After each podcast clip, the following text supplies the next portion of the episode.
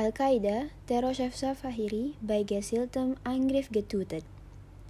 Ayman al-Zawahiri, einer der meistgesuchten Terroristen der Welt, ist durch einen amerikanischen Drohnenangriff in Kabul getötet worden. US-Präsident Joe Biden sagte, die Gerechtigkeit wurde genug getan. Die USA haben bei einem Luftangriff in der afghanischen Hauptstadt Kabul Al-Qaida-Chef Ayman al-Zawahiri getötet. Die Gerechtigkeit wurde genug getan. Dieser Terroristen-Anführer lebt nicht mehr, sagte US-Präsident Joe Biden am Montagabend Ortszeit bei einer Fernsehhansprache. Der erfolgreiche Einsatz sei ein klares Signal an alle Feinde der USA.